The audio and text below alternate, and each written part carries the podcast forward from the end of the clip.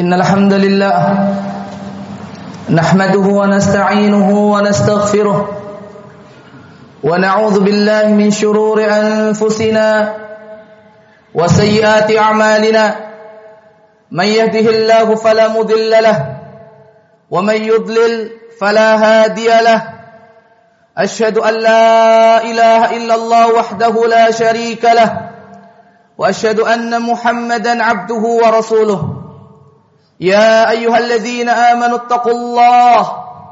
اتقوا الله حق تقاته. ولا تموتن إلا وأنتم مسلمون. يا أيها الناس اتقوا ربكم الذي خلقكم من نفس واحدة. وخلق منها زوجها. وبث منهما رجالا كثيرا ونساء. واتقوا الله الذي تساءلون به والأرحام. إن الله كان عليكم رقيبا. يا أيها الذين آمنوا اتقوا الله وقولوا قولا سديدا. يصلح لكم أعمالكم ويغفر لكم ذنوبكم. ومن يطع الله ورسوله فقد فاز فوزا عظيما. أما بعد فإن أصدق الحديث كتاب الله وخير الهدى هدى محمد صلى الله عليه وعلى آله وسلم. وشر الأمور محدثاتها وكل محدثة في الدين بدعة وكل بدعة ضلالة وكل ضلالة في النار Ikhwatal Islam, sidang jamaah Jumat rahimani Allah wa yakum jami'an. Salah seorang ulama mengatakan, "Man kanat bidayatuhu muhriqah, kanat nihayatuhu musriqah." Man kanat bidayatuhu muhriqah. Barang siapa yang mengawali sesuatu dengan setar yang baik, dengan setar yang baik, kanat bida nihayatuhu musriqah maka dia akan melakukan finish dengan baik pula. Maka di sinilah rahasia. Sebuah wasiat Allah Subhanahu wa taala buat kita semuanya. Yang mana setiap khatib ketika mengawali khutbahnya mengingatkan kita dengan sebuah ayat, "Ya ayyuhalladzina amanu ittaqullah haqqa tuqatih wa la tamutunna illa wa antum muslimun." Allah Subhanahu wa taala berpesan kepada kita wahai orang-orang yang beriman, bertakwalah kalian kepada Allah dengan sebenar-benar takwa. Awal, star.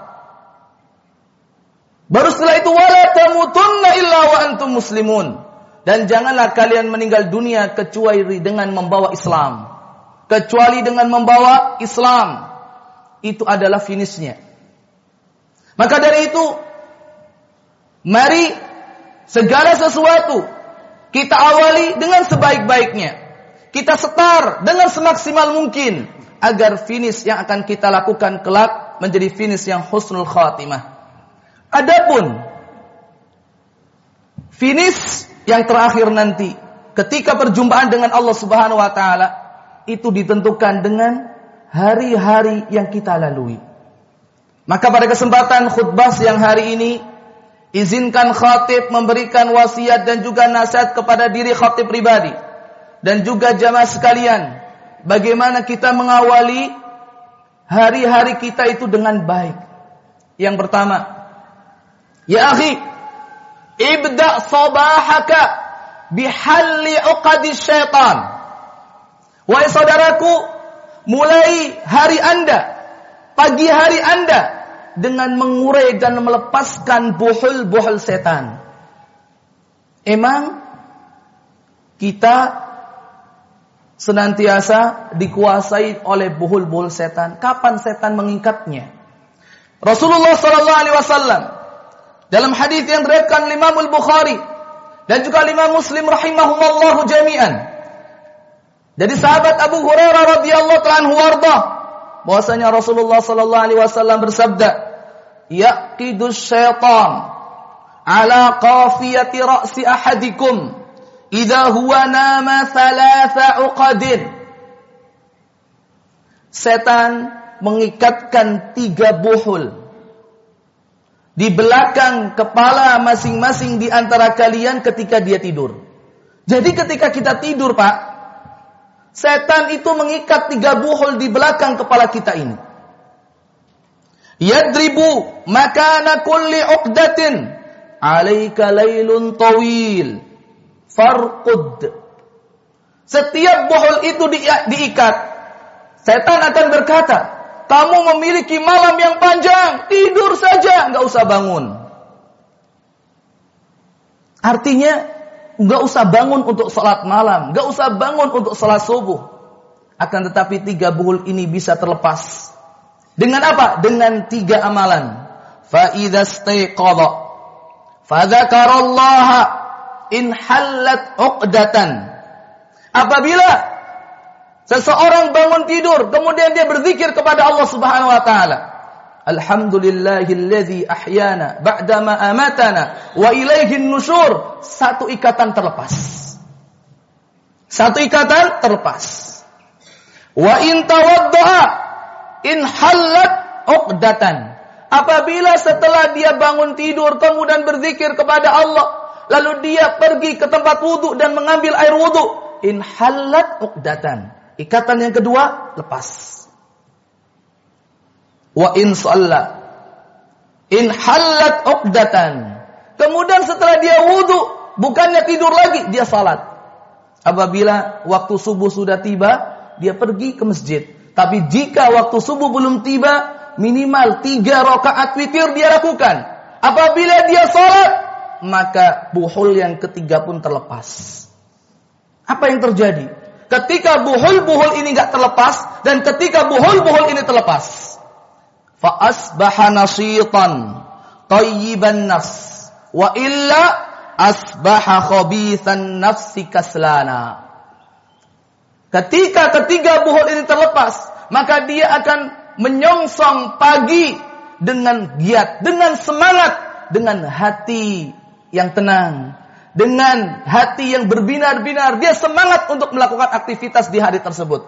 Tapi jika tidak, dia akan menyongsong pagi harinya dengan bermalas-malasan, dengan uring-uringan, dengan sesuatu yang tidak enak di dalam hati.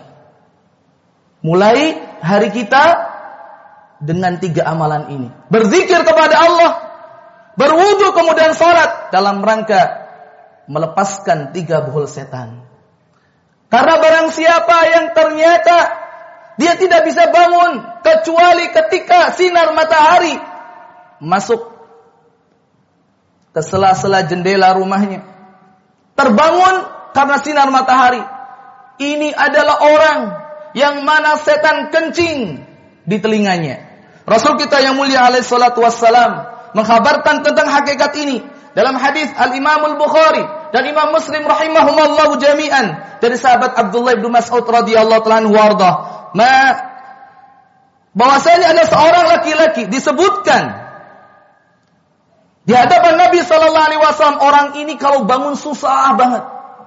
Sering terlambat sholat subuh, kadang sholat subuh sudah siang ketika matahari sudah terbit. Apa kata Nabi Sallallahu Alaihi Wasallam? Rasulullah SAW menyatakan balas syaitan fi udhuni. Setan telah kencing ke telinganya. Yang kedua, ya akhi, ibda sabahaka bis salah. Ibda sabahaka bis salah. Mulai harimu dengan salat. Salat witir tiga rakaat jika waktu subuh belum masuk. Manfaatkan waktu sepertiga malam terakhir untuk memohon dan berdoa kepada Allah Subhanahu wa taala. Karena itu waktu yang mustajab di mana Nabi sallallahu alaihi wasallam menghabarkan kepada kita apabila sepertiga malam terakhir Allah Subhanahu wa taala akan turun ke langit dunia kemudian memberikan pengumuman Siapakah di antara kalian yang meminta ampunan kepadaku? Aku akan ampuni. Barang siapa di antara kalian yang berdoa kepadaku? Aku akan berikan apa yang dia dia minta. Manfaatkan. Wabil asharihum yastaghfirun. Perbanyak istighfar. Minta ampun. Tobat kepada Allah subhanahu wa ta'ala di sepertiga malam terakhir. Tapi jika waktu subuh telah tiba, lakukan dua rakaat. Dalam hadis Aisyah Ummul Mukminin, radhiyallahu taala wardaha Nabi kita alaihi salatu wassalam bersabda rakaatul fajri khairun minad dunya wa ma fiha dua rakaat sunnah qabliyah subuh itu lebih baik daripada dunia seisinya belum kita kerja, belum kita beraktivitas, kita sudah mendapatkan dunia seisinya, bahkan lebih baik daripada dunia dan seisinya. Kemudian setelah itu, langkahkan kaki kita berangkat ke masjid untuk sholat subuh berjamaah. Sholat subuh berjamaah. Untuk apa? Orang yang sholat subuh berjamaah. Maka dia ada orang yang paling bahagia di dunia. Bagaimana tidak? namanya disebut, namanya diingat oleh malaikat-malaikat Allah Subhanahu wa taala yang bertugas di waktu malam. Karena kita tahu Allah Subhanahu wa taala menurunkan malaikat-malaikat untuk mencatat amal perbuatan hamba-hambanya. Ada dua shift. Malaikat yang bertugas di waktu malam dan malaikat yang bertugas di waktu siang. Kapan waktu perpindahan shiftnya? yaitu di waktu sholat subuh dan di waktu sholat asar. Ketika mereka, malaikat-malaikat yang bertugas untuk malam hari naik ke atas, Allah Subhanahu wa taala bertanya kepada mereka wa huwa a'lamu bihim. Allah Subhanahu Maha tahu, tapi Allah Subhanahu wa taala ingin mendengarkan laporan langsung sebagai persaksian dari malaikat-malaikatnya. Kaifa taraktum ibadi? Bagaimana kalian tinggalkan hamba-hambaku? Maka malaikat-malaikat Allah akan mengatakan, ketika kami tinggalkan mereka, mereka dalam kondisi salat dan ketika kami turun kepada mereka, mereka pun dalam kondisi salat. Maka berbahagialah orang yang disaksikan oleh malaikat-malaikat Allah sedang salat. Yang dilaporkan kepada Allah sedang salat, bukan sedang tidur maka subuh dan asar jangan sampai ditinggalkan. Kemudian orang yang salat subuh berjamaah, Allah Subhanahu wa taala memberikan satu keistimewaan berupa cahaya yang sempurna kelak di akhirat. Rasulullah wasallam bersabda, "Basyiril masya'ina fi dhulami bin nurit tam yaumil qiyamah." Berikan kabar gembira bagi orang-orang yang berjalan kaki di kegelapan malam untuk pergi ke masjid melaksanakan salat berjamaah. Apa yang diberikan kepada mereka? An-nur at-tam. Cahaya sempurna. Kapan yaumul qiyamah? Pada hari kiamat.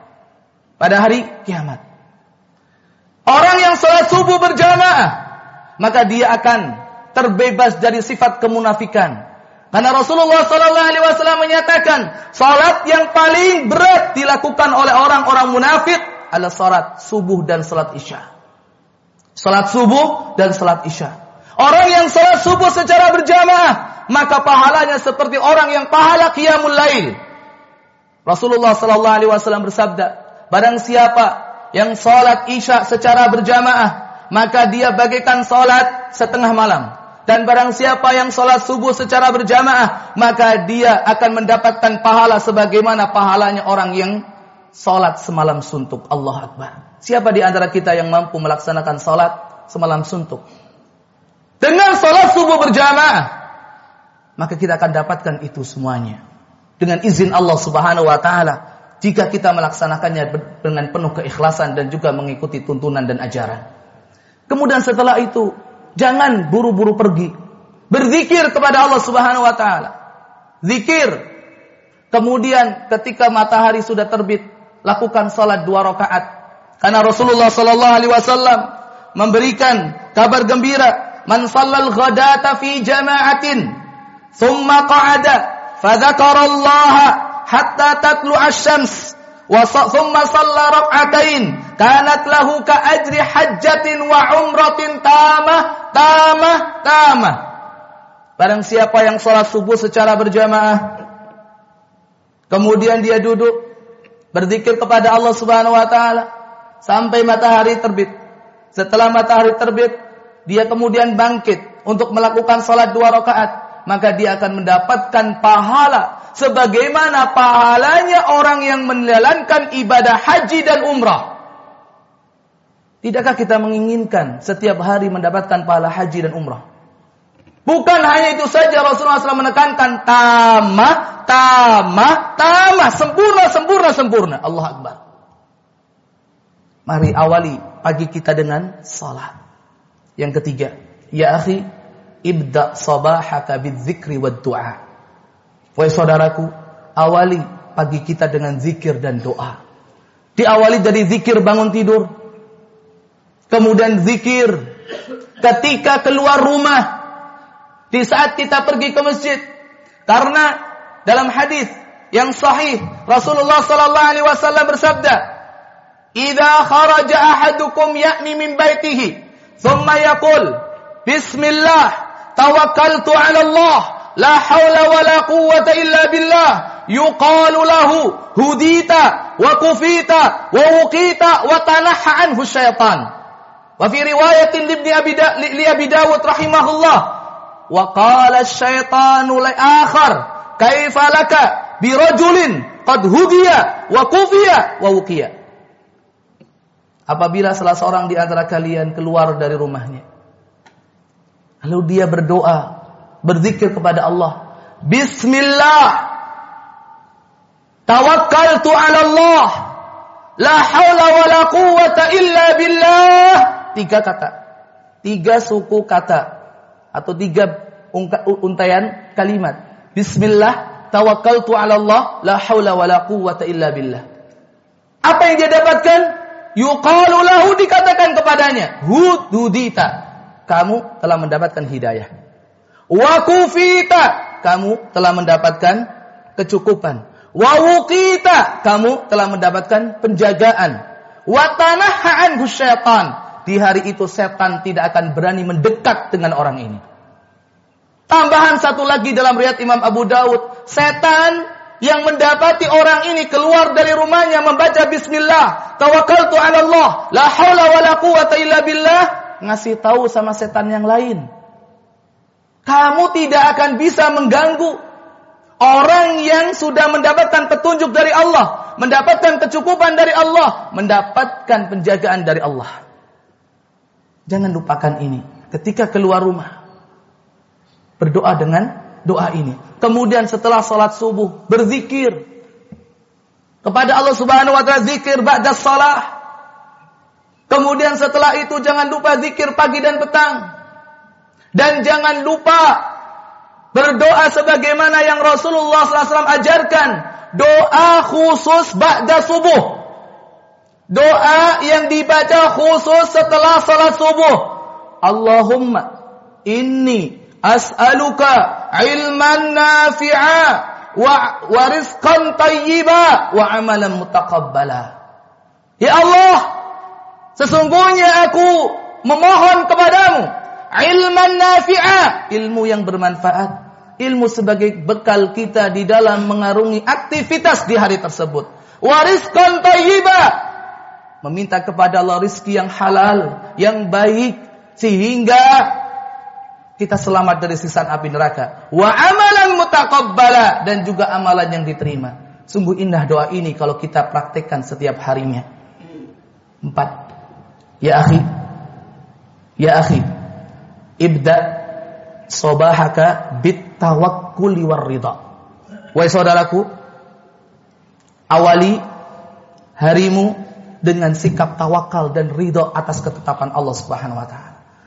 Ketika kita langkahkan kaki kita untuk beraktivitas, ketika kita pergi ke tempat kerja, kita pergi ke tempat tujuan kita di hari itu, yakinlah seyakin-yakinnya, apa pun yang terjadi, apa pun yang akan kita alami di hari itu sudah tercatat oleh Allah Subhanahu wa taala. Tinggal kita pasrahkan kepada Allah, kita serahkan kepada Allah. Wa may yatawakkal 'ala Allah fahuwa hasbuh. Barang siapa bertawakal kepada Allah, Allah akan memberikan kecukupan kepadanya. Dalam hadis Umar radhiyallahu ta'ala anhu arda, Rasul kita yang mulia alaihi salatu wassalam bersabda, "Law tatawakkaluna 'ala Allah haqqa tawakkulih, la razaqakum kama yarzuqu at-tayr taghdu khimasan wa taruh bitana." Jikalau kalian betul-betul tawakal kepada Allah, niscaya Allah akan berikan rizki kepada kalian sebagaimana Allah berikan rizki kepada seekor burung yang pergi di waktu pagi dalam keadaan perut kosong, pulang dalam kondisi kenyang di sore hari. Tawakal, serahkan semuanya kepada Allah. Yakinlah dengan apa yang Rasulullah SAW wasiatkan kepada Ibnu Abbas radhiyallahu anhu. Wa'lam annama akhta'aka lam, lam yakun liyusibak wa ma asabaka lam yakun liyukhti'ak. Ingatlah apa yang Allah sudah takdirkan itu baik bagimu, tidak akan melesak, tidak akan melenceng, tidak akan menyimpang, tidak mungkin. Dan apa yang Allah takdirkan hal yang jelek kepadamu tidak mungkin salah alamat. Rizki kita nggak akan salah alamat. Nasib kita nggak akan salah sesuai dengan apa yang Allah Subhanahu wa taala tetapkan. Aku qouli hadza wa astaghfirullah li wa lakum muslimina min kulli dzamb fastaghfiruhu innahu huwal ghafurur rahim. Alhamdulillah, alhamdulillahilladzi hadza wa ma kunna linahtadiya laula an hadana Allah.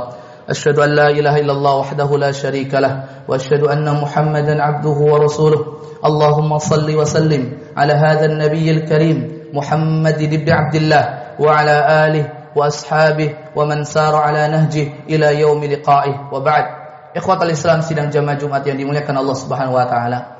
Kemudian yang kelima, ya akhi, ibda sabahaka biniyatin salihah. Wahai saudaraku, awali pagimu dengan niat yang baik, niat untuk berbuat baik.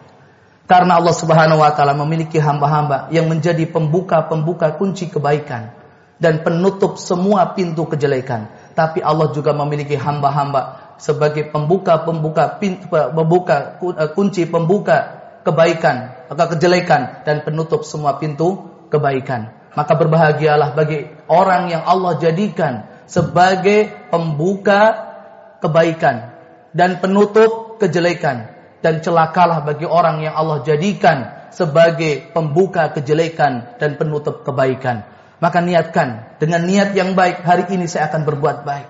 Hari ini saya akan berbuat baik karena perbuatan baik kita itu merupakan bentuk sodakah. Rasulullah SAW mengingatkan kepada kita, kullu sulama bani Adam alaihi sadaqah, kullu yaumin tatlu alaihi syams. Setiap pagi ketika matahari terbit, semua persendian yang ada di dalam tubuh manusia yang jumlahnya 360 persendian itu semuanya wajib disodakahi.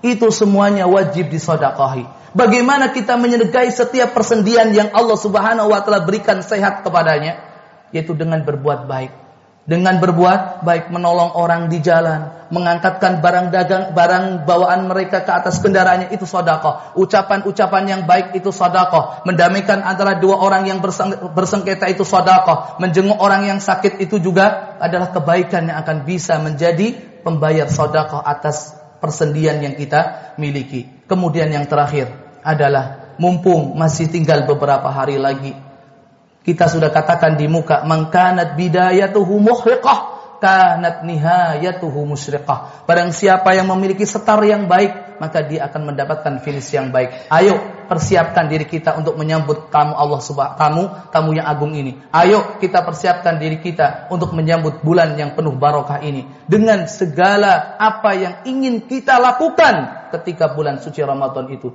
Jadikan Ramadan tahun 1437 kemarin sebagai cermin, sebagai bahan untuk introspeksi diri. Apa yang sudah baik, ayo kita tingkatkan, kita pertahankan. Mana yang belum baik, ayo kita kita tinggalkan dan kita ganti dengan yang yang baik. Maka dari itu sungguh penting sekali hari-hari ke depan kita bermuhasabah diri, kita berintrospeksi diri dengan landasan apa yang telah kita lakukan di tahun kemarin, di Ramadan tahun kemarin demi mendapatkan hal yang lebih baik di Ramadan tahun ini. Semoga Allah Subhanahu wa taala memberikan taufik, kesehatan, kesempatan kepada kita untuk bisa menjumpai Ramadan tahun ini dan semoga Allah berikan keberkahan dan Allah berikan kemudahan untuk mengisinya dengan amal-amal kebaikan dan Allah berkenan untuk menerimanya. Innallaha wa malaikatahu yusalluna 'alan nabi ya ayyuhalladzina amanu sallu 'alaihi wa sallimu taslima. Allahumma salli 'ala Muhammad wa 'ala ali Muhammad kama sallaita 'ala Ibrahim وعلى آل إبراهيم إنك حميد مجيد. اللهم اغفر